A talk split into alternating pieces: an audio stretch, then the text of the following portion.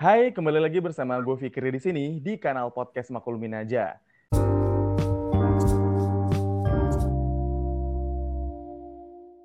Uh, dari kemarin kita sih seringnya bahas politik mulu ya karena uh, mumpung narasumber kita tuh dari kemarin tuh politisi mulu. Jadi sekarang walaupun uh, narasumbernya itu politisi juga, ya kita pembahasannya yang agak-agak beda dikit lah ya. Nah sekarang uh, bersama gue sudah ada Kak Rahayu Saraswati. Widi. Selamat siang. Selamat siang Kak. Gimana nih Kak goesnya? Aman ya? Aman, sorry ya jadi agak sedikit terlambat dikit karena tadi kayaknya goesnya langsung uh, lebih semangat banget soalnya bareng sama Teh Meli sama Mas Antohut juga. Mm-mm. Emang seneng olahraga gitu kayak? Ya? Kayak ya lagi lagi apa ya sejak justru mulainya itu sebelum PSBB pertamanya Jakarta gitu kayak mulai mau mulai ini baru lah gitu saking karena berat badan udah naik terus gitu ya. Setelah punya dua anak juga kayaknya susah banget nurunin berat badan gitu kan. Ya, eh, sebenarnya very very narsisistik alasannya yaitu untuk turun berat badan. Tapi akhirnya kebablasan suka juga. Jadi jadi hobi hobi baru yang yang rutin lah bener, gitu kayak. Bener, bener. Dan kemarin itu pas bener-bener PSBB tuh gue mungkin lari kayak lima kali seminggu bisa. Oh iya? Uh -uh, sampai bener-bener waktu itu pernah tuh uh, satu bulan tuh bisa dapat lebih dari 160 kilo. Jadi oh apa ya tapi kalau sekarang kayaknya udah nggak bisa ya paling dua kali dua kali dua kali seminggu aja udah happy aja gila itu atlet apa gimana kayak Ay, Aku dulu iya, kalau dulu waktu SMA atlet, tapi kan sekarang enggak. gokil gokil. Oke kak, uh, aku nih kalau umur umuran seaku gitu ya, selama PSBB kita kamu, tuh. Ya, kamu udah pernah ngejelasin belum usia kamu ke para pemirsa, cil pemirsa, oh, pendengar? Oh, mereka, Tahu nggak uh, usia kamu berapa? puji syukur sih mereka udah tahu sih mbak. Udah ya, oke okay, good lah. Soalnya kamu bilang usia aku. ya ya, mereka... usia kamu gimana gimana? uh, uh, kita kan kalau yang namanya PSBB itu malah justru jarang sih kayak olahraga malah. Uh, iya, just... eh, enggak juga kali. Kalau lu ngeliat kan banyak banget tuh yang sekarang udah mulai posting apa namanya, ada yang Muay Thai di rumah lah, ada yang uh, apa goes tuh lagi lagi yeah. lagi rame banget kan, goes tiba-tiba di mana-mana ada grup-grup goeser gitu kan, terus yeah, lari juga ada grup-grupnya walaupun nggak sebanyak yang goes gitu. Ya sih kak, tapi kalau misalkan kita mungkin agak compare ya, ini yang yang menurut kasat mata gue aja nih kak Oke oke. Uh, Lu tinggalnya uh, di mana? Gue nih orang Batam. Oh, kan beda. Kayaknya di setiap kota beda beda-beda. Beda ya. Uh -uh. Oke, okay. uh, selama PSBB nih kak, kalau misalkan gue pribadi itu sering banget yang namanya uh, apa ya nonton YouTube lah paling hmm. sering deh. Yang in, apa ya lebih sering lah gitu, lebih intens gitu loh nonton YouTube. Apalagi nonton YouTube-nya Mas Deddy Kobuzer. Oh. Apalagi Aduh, dia kalau gue gue kasih tauin dia seneng banget deh kalau misalkan banyak banget deh. Dia entar ah lu jangan ngomong gitu adanya ntar kalau misalkan lu taunya gue dari dari eh, nonton podcastnya Deddy Corbuzier adanya dia ntar minta nasi padang lagi dari gue.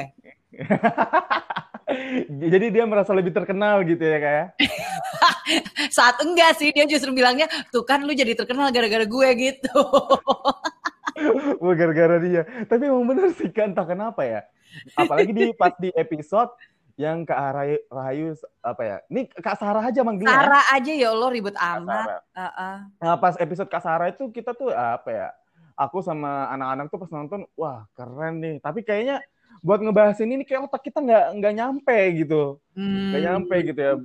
berhubung berhubung karena memang masih... jarang jarang diungkap jarang diomongin ya, dari terutama diomongin. dari levelnya yang kayak istilahnya uh, apa ya level maksudnya kayak jarang diomongin oleh para dalam tanda kutip artis gitu kan. Uh, uh, uh, uh. jadi tiba-tiba muncul di Deddy Corbuzier ngomong berat banget kayak gitu, kayaknya juga banyak yang kaget gitu. Jadi iya. Yeah. Ya nggak apa-apa sih. Aku bilang sama dia, lu lu lagi apa? Karena dia kan nggak bisa monetize tuh yang itu.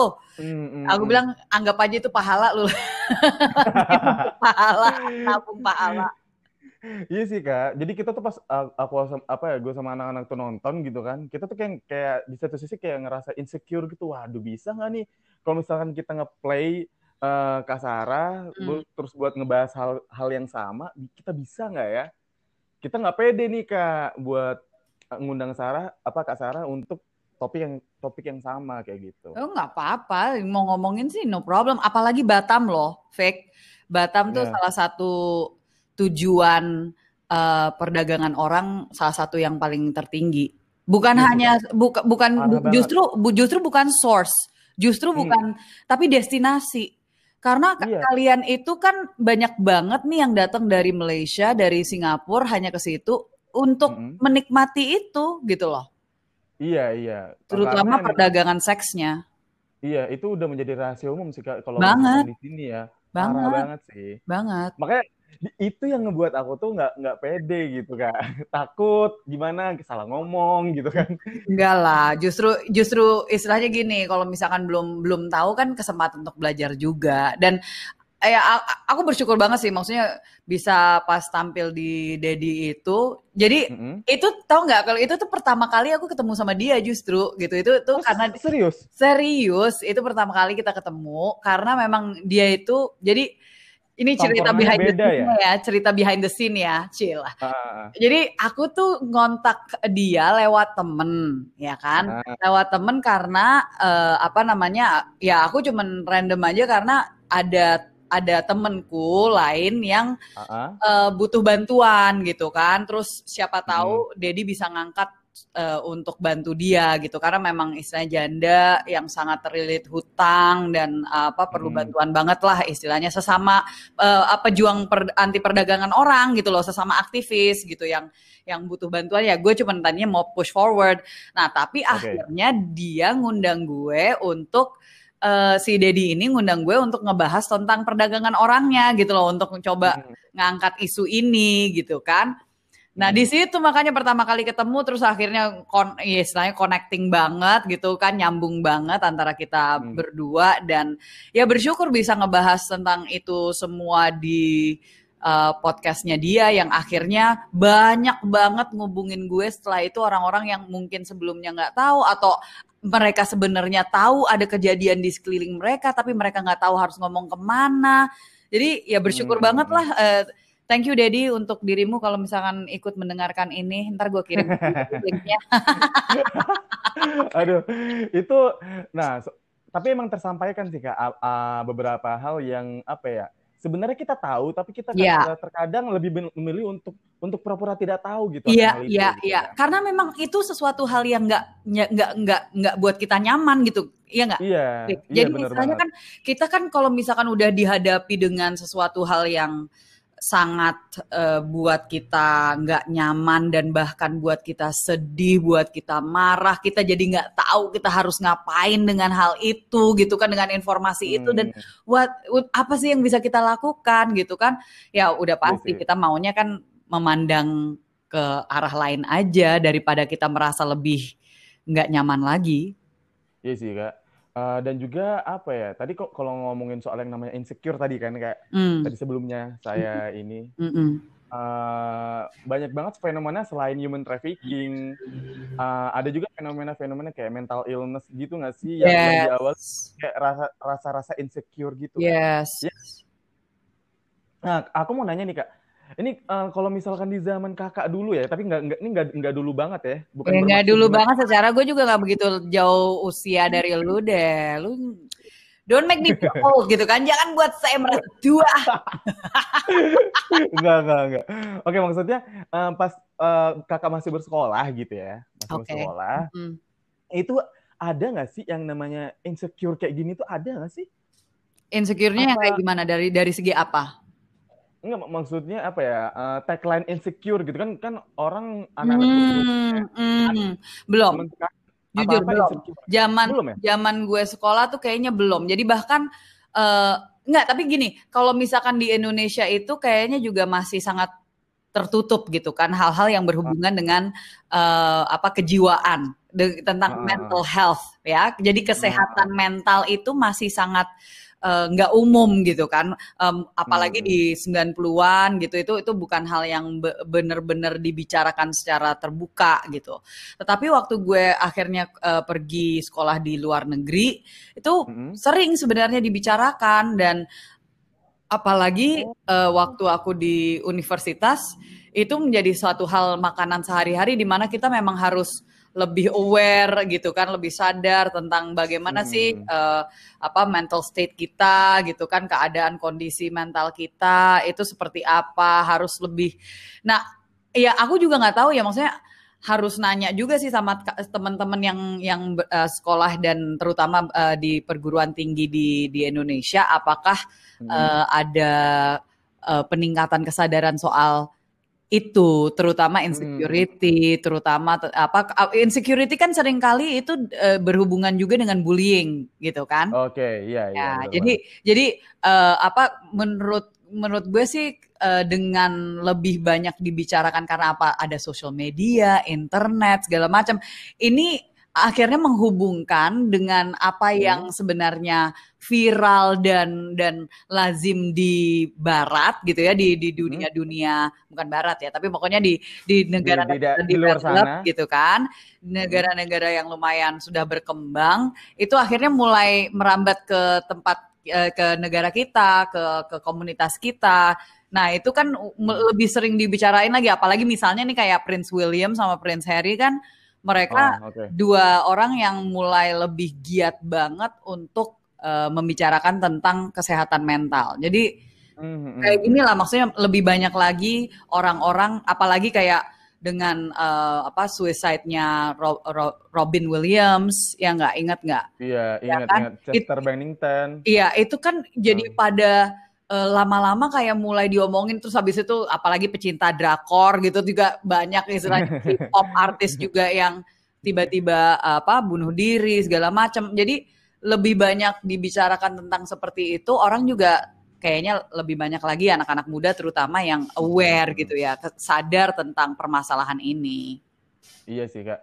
Uh, dan juga kita beberapa kali sempat diskusi ini, ini sama teman-teman. Tapi ada salah satu statement daripada temen gue nih kak uh, dia tuh mengatakan bahwa uh, benar nggak sih? Jadi kayak apa ya benar nggak sih bahwa insecure itu terkadang atau ternyata dijadikan sebagai tameng untuk beberapa orang untuk tetap berada di zona nyaman? Itu menurut hmm, menarik menarik menarik. Menarik. Karena eh apakah hmm, gue sih percaya sih. Menurut gue, gue karena gue juga apa suka belajar psikologi dan segala macam jadi uh, menurut gue itu sangat bisa gitu ya. Maksudnya untuk ses, mm -hmm. untuk orang supaya dia tidak harus uh, keluar dari zona nyaman sehingga menggunakan itu sebagai tameng yang yang temen lo bilang itu itu itu itu bisa hmm. banget bisa banget tapi bisa banget, sangat, ya? tapi ya itu kita juga nggak bisa bukan berarti kita menyatakan itu hal yang salah gitu ya, tetapi hmm. uh, sangat disayangkan aja karena kan kalau misalkan kita mau berkembang, kita mau uh, next level gitu ya, kita mau hmm. untuk terus jadi uh, apa uh, kita meraih potensi kita masing-masing karena kita di dalam diri kita kan punya potensi gitu ya tapi kalau misalkan hmm. kitanya nggak keluar dari zona nyaman nggak akan menurut gue nggak bakal kita uh, bisa uh, sampai pada memaksimalkan potensi yang ada di dalam diri kita masing-masing. Itu nggak mungkin. Iya sih, dan juga kalau ngobrolin soal yang namanya membandingkan nih kak, uh, potensi-potensi kita gitu ya, mm. dengan orang lain gitu. Uh, kan gini, menurut gue gini kak, kan batasan orang uh, kan berbeda-beda gitu. Ya.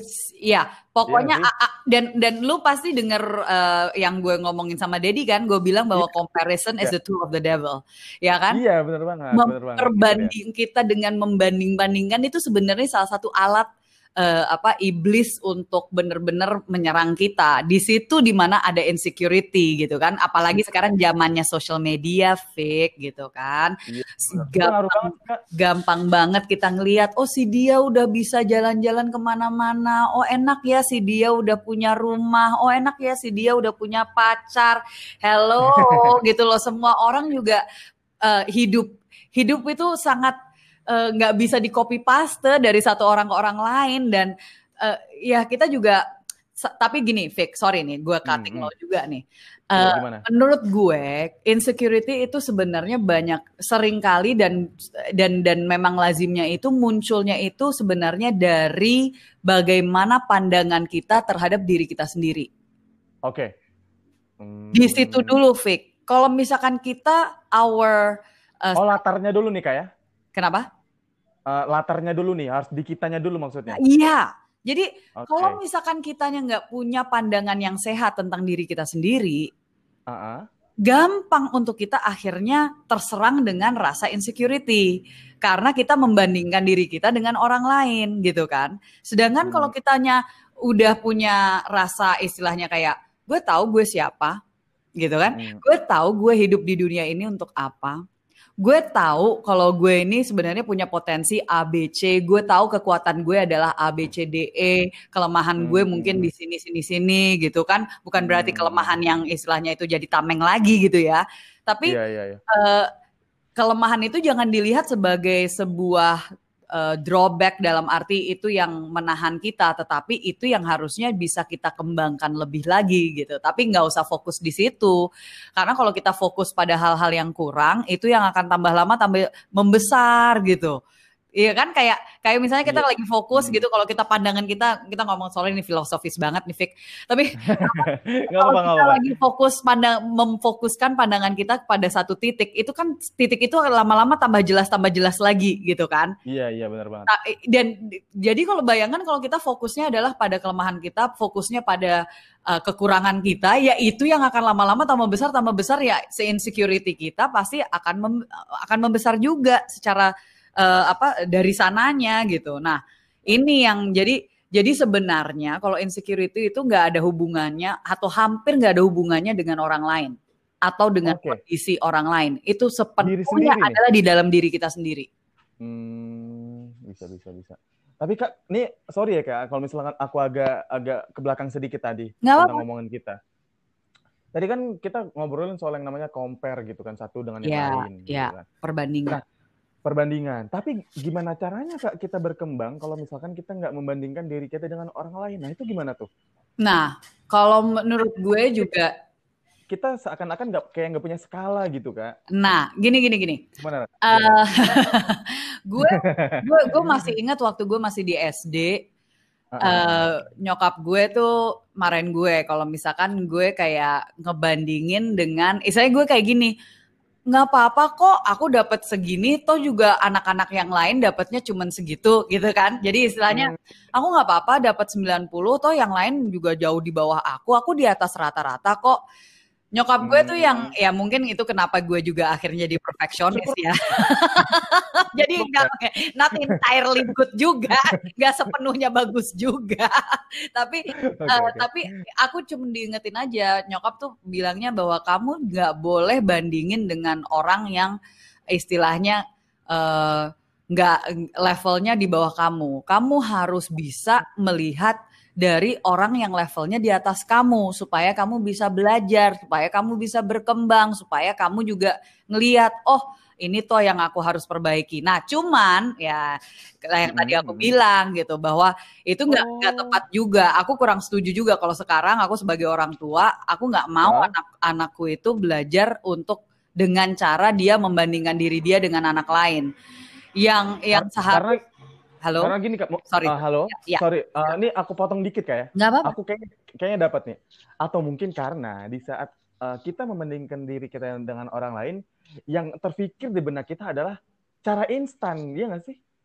Ada juga, bisa juga, bisa juga. Tapi maksud gue bahwa uh, gimana gimana? Maksud gue kalau misalkan gini, ada membandingkan kita itu dengan cara yang positif dan ada yang negatif. Oke, okay? Ken, tapi kena, uh, kenapa kok ada kalau yang negatif kita udah tahu lah. Berarti kita membandingkan terus habis itu kita merasa diri kita kurang atau kita merasa bahwa oh kita udah jadinya sombong gitu kan dan seterusnya. Jadi bisa dua arah juga. Tapi yang positif okay. itu harus dimulai dari uh, apa harga rasa harga diri dan dan self awareness gitu ya kesadaran diri yang betul yang yang baik dan sehat itu harus dimulai dari situ dulu sehingga kalau kita melihat uh, orang lain. Nah, misalnya kayak tadi nyokap bilang lu harus ngelihat ke apa yang levelnya lebih tinggi, lebih baik gitu ya. Jadi misalnya kita hmm. ngelihat ke seorang mentor atau kita ngelihat ke seorang tokoh yang yang kita hormati, yang kita you know, yang wow uh, apa uh, dia bisa dari zero to hero gitu kan. Dia bisa dari dari latar belakang keluarga nggak mampu dia bisa dari itu tapi terus habis itu dia, dia bisa berhasil. Yang kita ambil bagian positifnya. Jadi misalnya bahwa dia dengan kerja keras dengan cara dia uh, dengan iman dia dengan dede gitu lah yang positifnya hmm. yang kita ambil gitu kan jadi hmm. uh, harus dimulai dari situ dulu kalau misalkan dikatakan bahwa apa tadi yang lo bilang mau jalan instan ya itu hmm. justru nggak nggak nggak sehat gitu kan justru uh, itu yang menimbulkan insecurity itu tadi kayak ya bisa juga bisa juga karena akhirnya kan kita menganggap bahwa seolah-olah apa yang dilakukan orang lain kita harus bisa juga Nah itu yang juga hmm. nggak tepat karena kan setiap dari kita kayak yang lo bilang fake di awal, setiap dari hmm. kita kan punya kemampuan masing-masing. Setiap dari kita kan pasti situasinya beda-beda. Jangan juga istilahnya langsung karena Mark Zuckerberg istilahnya uh, dia drop off dari college terus habis itu oh ya udah gue juga DO anak DO banget pokoknya nih. Aduh gitu kan. Ya uh, setiap orang pasti punya uh, situasi, uh, punya uh, kemampuan masing-masing, punya jalan hidupnya masing-masing. Tapi satu hal gitu loh, berkat nggak akan ke mana-mana. Kalau misalkan kitanya yang penting kita lurus, kita setia, kita lakukan apa yang memang menjadi bagian kita, itu nggak akan hmm. ke mana-mana. Pada waktunya pasti akan datang sendiri. Iya sih. Ah, gue nih pernah nih kak uh, ngobrol juga sama teman, terus teman gue bilang kayak dia bilang, aduh, Kri, kayaknya kalau buat masalah insik apa ya insecure ini gitu kan. Kayaknya kita harus ke tokoh agama deh. Emang kenapa? Gue gue bilang gitu kan kak. Terus uh, dia dia jawab kayak soalnya ya tokoh agama selalu mengajarkan kita untuk bersyukur kayak gitu loh Eh, nggak salah juga. Eh, eh kalau soal bersyukur itu di agama mana pun itu udah yeah. dan itu udah paling benar gitu loh. Itu udah paling bukan berarti istilahnya gini ya. Gue jadi keinget sama uh, apa namanya istilahnya moto hidup dari uh, Eyang uh, Eyang putri gue. Itu sampai hmm. di batu nisannya tertulis uh, dar istilahnya sabar sabar lan narimo. Kalau dalam bahasa Jawa tuh sabar dan menerima itu menurut gue yang gue langsung kayak apa ya dasar anak muda gitu ya uh, hmm. gemes gitu loh istilahnya masa segala hal harus kita sabar dan kita menerima doang kita harus berusaha hmm. dong gitu ya uh, hmm. maknanya sih sebenarnya nggak nggak itu juga gitu bahwa ya okay. kita kita istilahnya kita tetap aja dengan kesabaran dan kita bersyukur artinya apa kita belajar dengan kata cukup Hmm. Kenapa? Hmm. Karena kalau misalkan kita merasa bahwa oh it's not enough, ini nggak cukup, ini nggak cukup, ini nggak cukup, masih belum, masih belum. Selamanya mau istilahnya lo mau jadi milioner gitu ya, lo udah punya rumah berapa, lo udah punya helikopter, punya private jet, punya apa pun. Kalau nggak belajar dengan yang namanya kata cukup, itu nggak akan cukup seumur hidup. Jadi yeah. kata bersyukur itu itu ngena banget tapi balik lagi harus dilapiskan atau dilandaskan dengan uh, apa kesadaran diri yang memang baik dan benar gitu loh. Berprogres lah ya gitu. Iya, jadi jadi bersyukurnya itu adalah kita bersyukur apa yang kita miliki, apa yang memang sudah diberikan. Kalau kita masih bisa bangun pagi ini, artinya kita diberikan kesehatan, artinya kita diberikan kesempatan lagi untuk bisa jadi berkat untuk orang lain, kita diberikan kesempatan untuk bisa berbuat. Itu kan hmm. patut disyukuri gitu loh dibanding dengan orang-orang yang tiap hari bangun ada yang mungkin belum tentu tahu bisa makan atau enggak hari ini gitu loh. Jadi hal-hal okay. yang seperti itu yang patut disyukuri gitu. Oke. Oke kak, uh, ini kan uh, insecure pasti ada dong korelasinya dengan percaya diri, percaya diri gitu ya, percaya diri. Ada banget. Nah, ya. Kalau misalkan pasti. aku mau nanya tentang pengalaman kakak deh di kan di DPR hmm. gitu ya, di di politisi segala macam seperti halnya uh, apa Cavaldo Maldini, Karian kayak gitu kan. Uh, aku mau nanya deh ke apa ya aduh mau ngomong kak Samara lagi kak Sarah gitu lu, emangnya baru aja ini interview Samara uh, kita baru, baru baru aja ngeplay gitu. baru aja invite. Jadi kalau misalkan aku mau nanya ini ke uh, Kak Sarah sendiri gitu kan. Uh, uh, uh. Uh, pernah nggak sih ngerasa nggak pede gitu? Aduh, gue muda banget nih di kalangan anggota DPR DPR lainnya gitu kan. Soalnya uh, bagi gue sendiri nih Kak, gue kan uh, basic uh, jurusan gue kan komunikasi politik gitu kan. Oh, dan, really? dan bagi dan bagi gue di otak gue yang cetek ini gue beranggapan gue wah gila politik kayak berat banget dan dan di saat melihat para politisi-politisi muda gitu seperti Kasara, terus juga mungkin Kasamara atau mungkin Kavaldo, Karian dan lain sebagainya, mm. mampu posisi itu, wah apakah pernah nggak sih merasa kayak aduh gue gue nggak pede nih berada di posisi ini pernah nggak sih kak? Ya banget lah udah pasti Nah, balik lagi karena kita kan mem membandingkan diri kita dengan orang lain gitu. Nah, dalam hal hmm, okay. itu istilahnya kayak gini, bukan berarti aku apa ya kayak uh, rendah diri ya, beda ya dengan rendah hati ya. Jadi bukan berarti istilahnya kitanya nggak pede dan kitanya insecure, tapi lebih kepada bahwa kita sadar kita tuh masih harus belajar banyak. Nah, dalam hal itu itu nggak nggak negatif loh itu hmm. itu kita merendahkan diri kita humbling itu beda hmm. dengan kita uh, merendahkan eh, jadi hi, diri yang di mana kita yang aduh malah jadi self pity apa ya mengasihani diri sendiri gitu loh hmm, ya kan? okay, okay. jadi jadi victim gitu kan? Jadi jadi seolah-olah kayak aduh gila ya gue masih jauh gue nggak bisa gue nggak bisa. Bukan kayak gitu. Kita harus melihatnya bahwa ya kan istilahnya kayak wah mereka nih jago wah jago-jago gue masih harus belajar banyak nih. Gimana ya untuk gue jadi harus jadikan itu sebagai motivasi dong.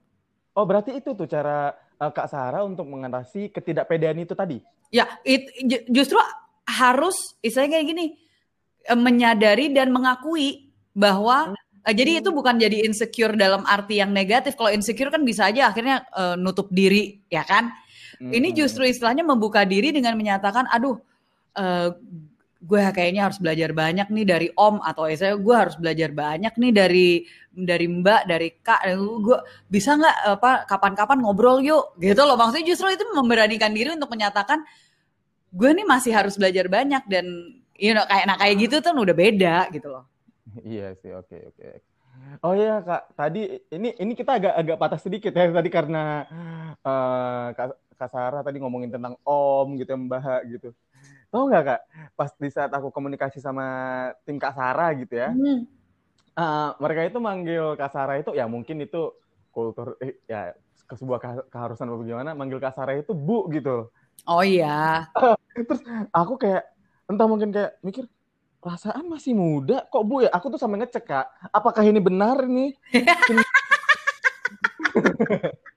apakah mana tahu ada tokoh dua tokoh yang sama namanya gitu? Enggak enggak kalau kalau itu kan istilahnya karena ada apa uh, kalau kita ngelihatnya kan istilahnya dalam dari segi budaya workplace. Oke oke ya paham sih. Ya enggak sih gitu awal, kan. Iya iya. Cuma awal-awal kayak waduh bener nggak nih? Sampai segitunya kak aman aman okay. enggak aman. karena kan uh, banyak juga dari, dari ini apalagi politik kalau dari dari segi politik itu uh, kita juga istilahnya harus ngasih lihatnya kayak gini walaupun kita muda, tetapi kalau hmm. misalkan uh, kita ini sebagai uh, apa namanya istilahnya dalam hal ini adalah how do I put it ya, mau itu mentor kek, mau itu employer gitu kan, hmm. uh, sebagai orang yang memperkerjakan dan itu uh, di, di hadapan orang lain, apalagi kalau misalkan di budaya kita gitu ya, hmm. to gain that istilahnya kita kan ada respect, ya, ya kan, hormat gitu. Nah, kalau misalkan itu itu adalah salah satu ungkapan penghormatan, tapi sebenarnya uh, apa kalau misalkan di antara kita kita mah santai-santai aja gitu. Hmm. Panggilan Bu tuh buat gue cuma satu, Fik. Asal jangan dipanggil tante itu aja permintaan gue. Gue mau dipanggil Bu, mau dipanggil Kak, mau dipanggil Mbak, mau dipanggil Mpok, terserah. Asal jangan tante. Udah, titik. Kalau tante terus udah nggak bisa dikompromikan ya? Ya bisa, no thank you. Gue keponakan gue udah banyak, biarlah mereka yang manggil gue tante. Udah, itu aja. Oh cukup di lingkungan keluarga aja nih. Cukup, cukup. Kalau di luar lingkungan keluarga ada yang manggil gue tante. Hmm. Oke oke oke Kak kembali lagi nih ke pembahasan kita nih yeah. mengenai tadi uh, tadi kan insecure udah deh kayaknya ya. Mm, mm, mm, mm. Udah nih, ini kita berasa pakar banget deh pokoknya. Cih, cih, cih. Tapi nggak apa-apa diskusi. Anak muda rasa pakar. nah mungkin ini kita lanjut ke percaya diri nih. Ya. Aku tuh penasaran banget apa ya? Penasaran banget deh sama sama para politisi muda gitu ya. Oh. Kayak apa ya? Bingung nih orang gimana caranya bisa survive dalam kultur politik Indonesia gitu. Mereka bisa su bukan survive lagi dalam artian uh, berkembang gitu di kultur ya, politik ya, Indonesia ya. yang nggak perlu kita omongin lah gitu kayak ya, ya, sangat ya, sangat ya. crowded banget gitu, complicated itu gimana? Gimana nya dalam arti apa dulu nih, Fik? Survive, survive untuk survive untuk ya, iya. Satu ya kan balik lagi uh, yang bisa bertahan biasanya adalah mereka yang betul-betul bisa uh, yang betul-betul punya um, ya pandangan yang sehat ya tentang diri sendiri itu satu. Balik lagi gue pokoknya pasti akan ke situ dulu. Pokoknya ada korelasinya ya. Itu ada korelasinya pasti soal hmm. percaya diri, soal, soal insecurity pasti adalah bagaimana kita memandang diri kita sendiri. Itu satu. Yang kedua, mereka yang bisa bertahan adalah yang punya kulit yang tebal.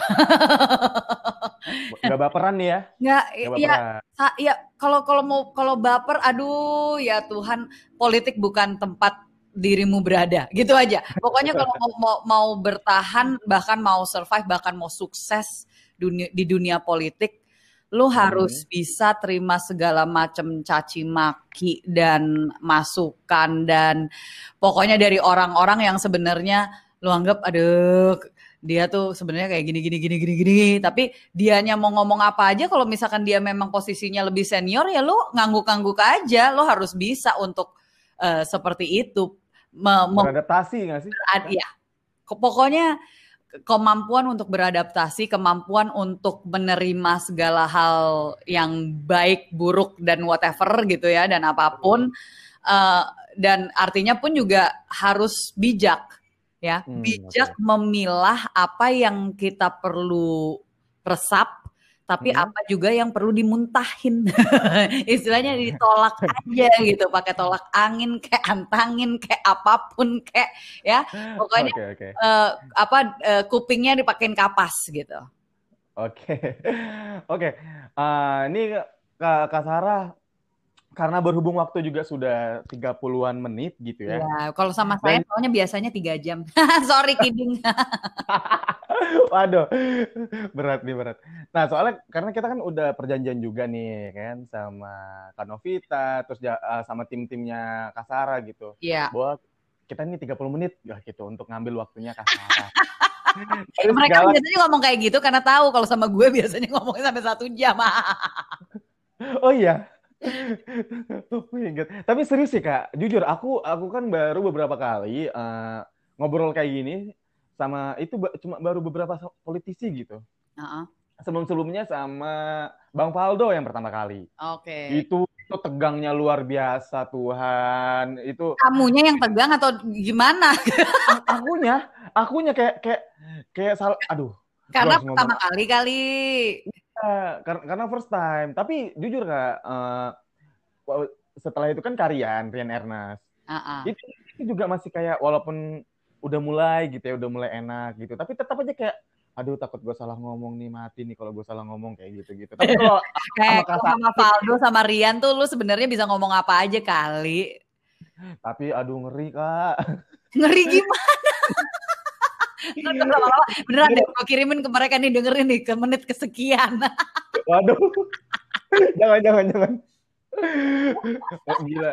Asli kak, aku tuh sama anak-anak ya, kita tuh buat draft pertanyaan tuh, kita buat konsep tuh sampai sampai berkali-kali kita kita review. Gitu. Sampai berjam-jam diri ini ulang.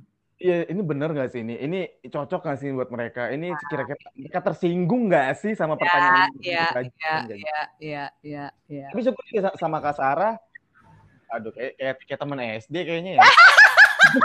kan gue juga, hus, ngakakan gue.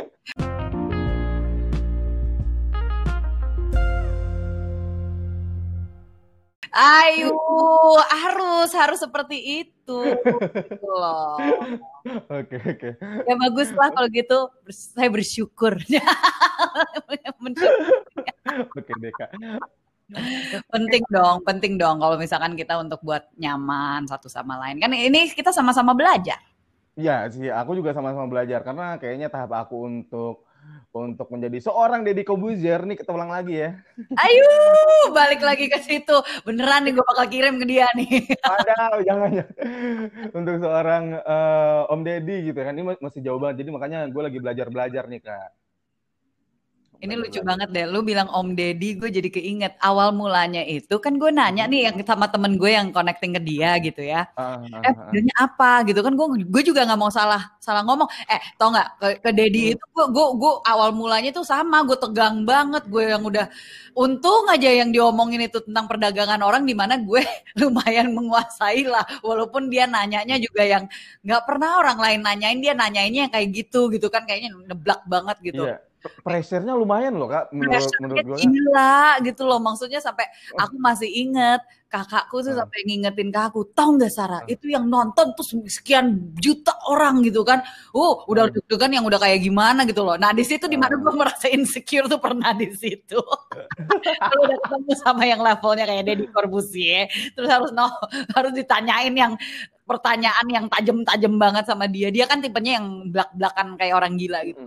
Nah, hmm. jadi apa namanya dia tuh itu, itu, itu jujur waktu waktu waktu aku aku nanya ke temenku manggilnya apa. Dia bilang, "Oh, aku sih biasanya hmm. manggilnya Om Ded." Nah, kayak just lo yang oh. bilang lo, lo lo manggilnya kan Om Deddy kan? Ya, jadi ngikutin dong. Nah, pengennya. gue ngikut kan manggil Om uh. Deddy. Terus aku aku by the way aku nanya ke dia untung pas sebelum masuk untuk uh, apa di podcastnya aku bilang manggilnya Om Deddy atau atau dia bilang oh gah lah gila aja lu manggil gue Om gitu oh salah dong gue gue langsung bilang sama temen gue gara-gara lu gue dimarahin soalnya manggil dia Om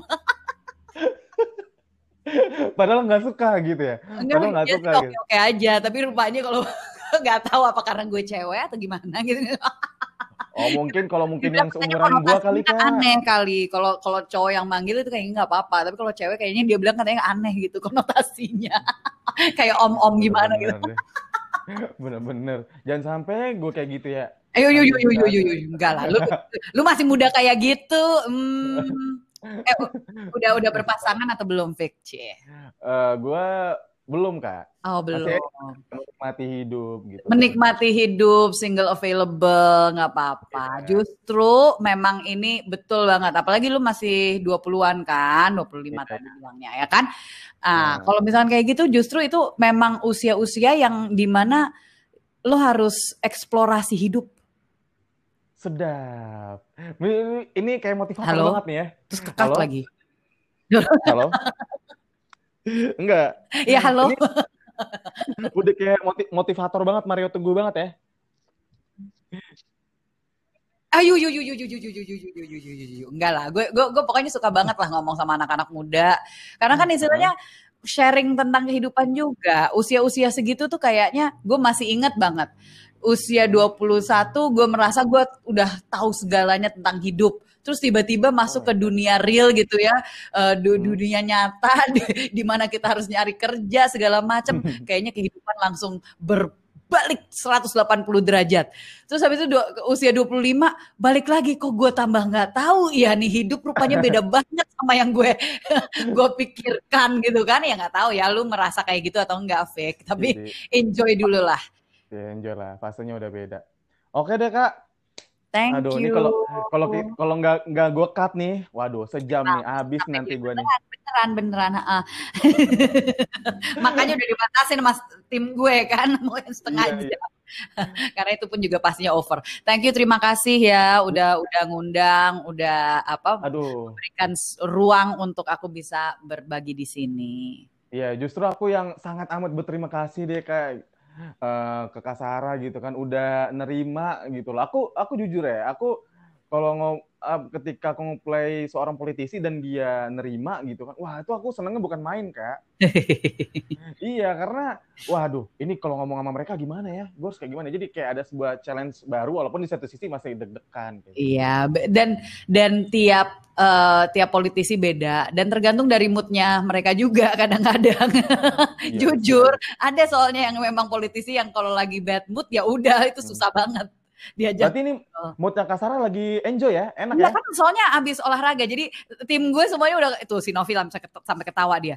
Soalnya hmm. tim gue tuh udah tahu kalau misalkan gue lagi apa, uh, gue tuh perlu olahraga sekarang. Justru kalau misalkan hmm. abis olahraga jadi enak. Kalau belum olahraga deh udah dikit-dikit udah.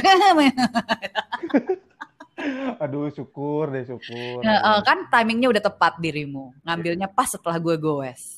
Iya deh, syukur. Oke Kak, sekali lagi thank you banget. Terima kasih. Uh, eh, all the best ya untuk maklumin aja. Iya, jadi dan juga Kak maklumin aja jika terdapat beberapa kekurangan gitu kayak. Rupanya title-nya itu kayak gitu, maklumin aja kalau. itu itu filosofinya itu Kak. Jadi kita kayak ya kalau ada kesalahan ya udah maklumin aja lah kayak gitu. Siap, siap. Semuanya aman kok. Saya enjoy juga untuk okay. hadir Dan juga uh, buat teman-teman gitu kan yang lagi mendengarkan, terima kasih telah mendengarkan sampai ke menit ini bersama gue juga dan dan Kasa kasara gitu ya. Ini selalu hampir salah nyebut loh kak. Ya Allah, nah, kenapa? Kasara. Iya kayak sama gitu loh. Iya. Kasara, Kasamara gitu ya. itu makanya waktu pokoknya dari awal kan gue kan temenan baik kan sama dia gitu. Dari awal tuh banyak orang yang pokoknya bingung aja. Lu kan pokoknya di dari kubu yang berbeda kok bisa temenan sih segala macam. Nah, hmm. kita memang punya kesamaan banyak hal dari segi terutama kalau soal perempuan dan anak tuh kita udah bareng-bareng banget gitu lah sama. Jadi iya. ya nggak kaget juga sih gitu. iya iya. Oke deh kak, uh, karena kalau nggak di-cut ini sekali lagi. Siap, siap. Oke, okay, thank you so much. Terima kasih. Sampai jangan jangan kapok ya kalau mau diundang lagi, boleh. Waduh, serius nih kak. Diri. Oke, aku mau minta maaf dulu kak jika terdapat banyak banget kekurangan dan juga terima kasih sekali lagi karena sudah meluangkan waktunya di uh, ruang podcast kami sukses terus ya kak untuk karir politiknya. Terima kasih. Salam ya. untuk kawan-kawan juga yang ada di ya. sana. Apa yang diperjuangkan gitu ya khususnya untuk di bidang human trafficking, perempuan, hak asasi semoga bisa ya bisa tercapai lah kayak gitu. Amin, amin. Thank amin, you. Ya. Terima kasih. Oke, okay, thank you ya kak. Selamat ya, makasih. Selamat beraktivitas kak Sarah. Bye bye. Bye bye Vic. Terima kasih.